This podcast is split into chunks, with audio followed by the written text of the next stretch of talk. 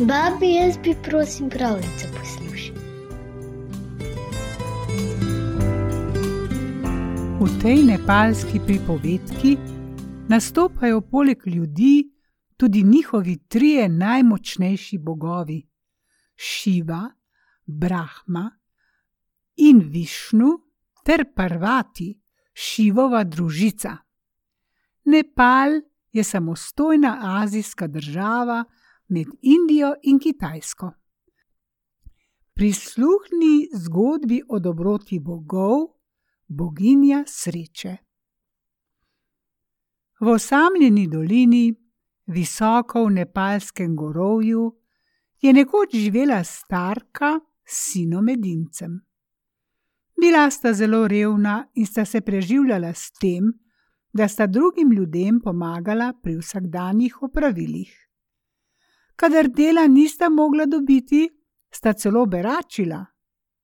Ko je sin postajal starejši, je bil vedno manj zadovoljen s svojim življenjem. Nekega dne je vprašal svojo mamo: Mama, zakaj sva tako revna? zakaj imava tako malo hrane in obleke? Mama mu je potiho odgovorila: To morava sprejeti, sin moj, ker je volja bogov taka, to je najna usoda. Deček pa ni bil povsem zadovoljen z odgovorom. Odločil se je, da bo poiskal gospodarja vesolja in mu postavil isto vprašanje. Seveda je upal na boljši odgovor. Po mnogih urah je prispel do goste džungle. Bil je izčrpan in lačen, zato je sedel, da bi si odpočil. Po naključju sta prišla mimo bog Šiva in boginja Parvati. Ko je Šiva zagledal dečka, ga je vprašal: Mladenič, kaj delaš tako sam tukaj na tem strašljivem kraju? Deček je Šivi in Parvati povedal zgodbo o svoji materi, ki je bila tako revna, da je morala beračiti. Poiskati nameravam gospodarja vesolja in ga vprašati, zakaj sva tako revna. Ko bom izvedel odgovor, bom obogatel. Boga in boginjo je dečkova zgodba ganila, in prvati je rekla Šivi: Gospod moj, temu otroku morava takoj nekaj podariti. Šiva je počasi odkimal. Ne, moja ljuba parvati, tega ne moreva narediti. Z materjo morata dobiti le tisto, kar jima je namenila usoda. Vse drugo, kar bosta dobila, bosta hitro izgubila in jima bo še huje kot prej. Prvati s tem ni bila zadovoljna nadlegovala je šivo, dokler se ni končno premislil in se odločil fantu podariti zlato grlico. Deček se je zelo razveselil, smeje je vzel grlico, se zahvalil in jo odnesel domov svoji mami. Med hojo se je počutil če dalje slabše, ni več mogel hoditi, odložil je svojo culo in ogrlico ter stekel grmovje, kjer se je olajšal. Zagledal je orla, ki je priletel mimo. Ta je opazil vsi zlata, se spustil k tlom in z ogrlico odletel stran. Ubogi deček je jokal vso pot do doma. In kar je bilo še huje, ko je končno prispel do doma, mu mama ni verjela niti besedice. Kakšna za lase privlečena zgodba, je pihnila. Zdaj pa pojdi dol do vasi in si poišči kakšno primerno delo, da boš zaslužil za kruh. Naslednji dan se je deček spet odločil, da mora poiskati gospodarja vesolja in ga vprašati, zakaj sta z mamo tako revna.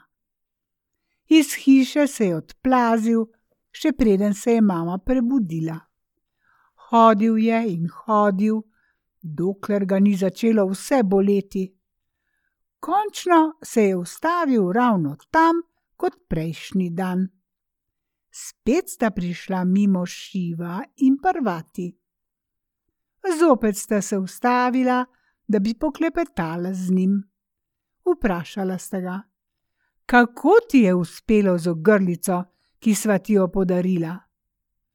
Užalostilo ju je, ko sta izvedela, kako jo je izgubil. In Šiva je bil prepričan, da deček ne bo sposoben obdržati nobene stvari, ki bi mu jo podarila, dokler ne bo sreča na njegovi strani. Parvati je spet začutila globoko usmiljenje do dečka in je rotila svojega moža Šivo, naj mu pomaga. Ko ji je dejal, da ne more storiti ničesar, ga je pregovorila, naj gre z njo k velikemu bogu Brahmi na njegov dom visoko v gorah, da ga bosta prosila za pomoč. Ta deček nosi v sebi veliko poguma, veliki bog. Prosim, naredi nekaj za takega posebnega otroka, sta prosila oba. Veliki bog Brahma je pazljivo poslušal njuno zgodbo. Potem je podal parvati zlat prstan, naj ga izročita dečku. S prstanom v žepu in radostjo v srcu je deček znova odhitel na pot. Postal je žejen in za trenutek se je ustavil ob potoku. Ko pa se je sklonil k vodi, da bi se osvežil, se je prstan odtrkljal iz njegovega žepa in še v istem trenutku ga je pogoltnila riba. Ubogi deček ni mogel verjeti svojim očem.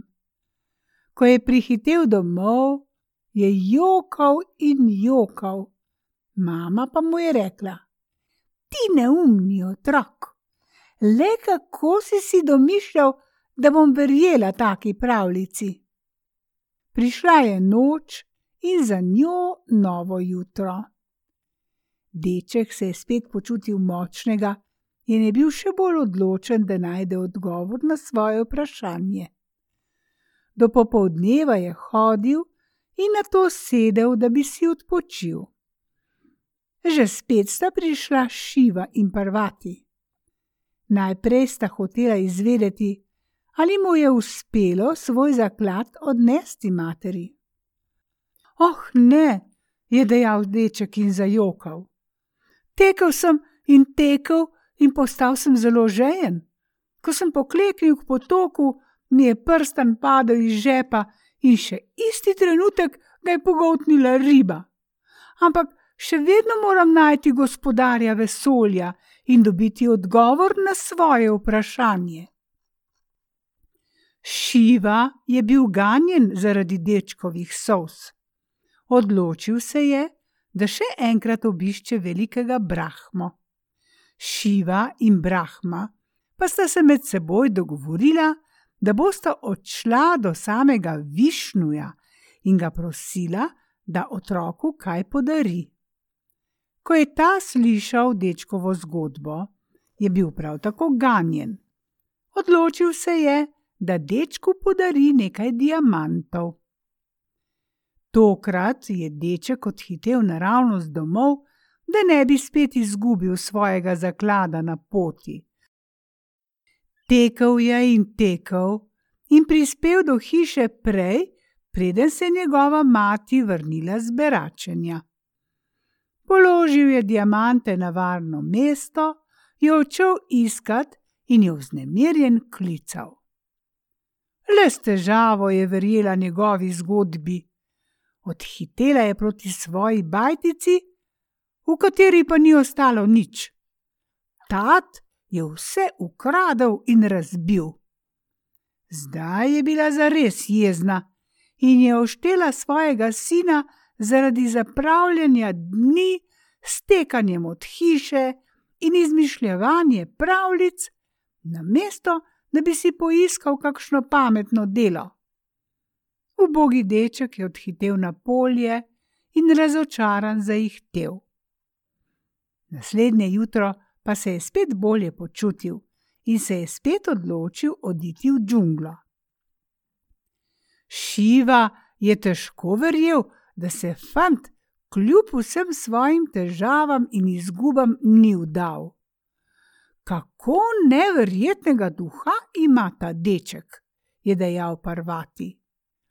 To pot je odšel naravnost do boginje sreče in jo prosil, naj pomaga dečku.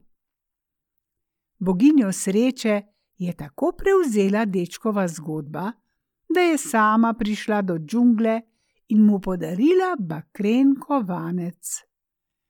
Kljub temu, da je deček dobil le kovanec, se je vljudno zahvalil in se namenil odnesti svoj zaklad domov. Stekel je k mami, jo objel in ji rekel: Zdaj imam nekaj premoženja in dolgo nama ne bo treba beračiti. Zasmejala sta se in skrbno varovala kovanec. Kmalo po tistem je prispel v vas ribič in prodajal svoj ulov. To pot sta si lahko nekaj kupila. Dajte nama, prosim, tisto veliko ribo, je deček rekel zadovoljno. Kaj ti danes imamo s čim plačati? Potem je vzel v roke nož, da bi ribo pripravil za peko. Predstavljajte si njegovo presenečenje, ko jo je prerezal. V ribjem trebuhu je namreč našel prstan, ki mu je bil padel v potok. Kakšno srečo imava, mama! je veselo zaklical. Mama je vzela prstan in ga začudeno pogledala. Potem je deček splezal na drevo v bližini, da bi si nabral nekaj suhih vej za ogen. Prav na vrhu drevesa je zagledal orlovo gnezdo. Ko je pogledal ven, je bil še bolj presenečen, saj je tam našel zlato ogrlico, ki jo je bil izgubil ampak to je bil šele drugi košček sreče. Ko je prilezel z drevesa, je pri vratih zagledal tatu. V noči za tistim, ko je okradel uboga bajtarja, se mu je namreč sanjalo, da mora diamante vrniti ubogima človekoma, katerima jih je ukradel. Tako je boginja sreče pomagala siromašni mami in njenemu sinu, da sta postala bogata.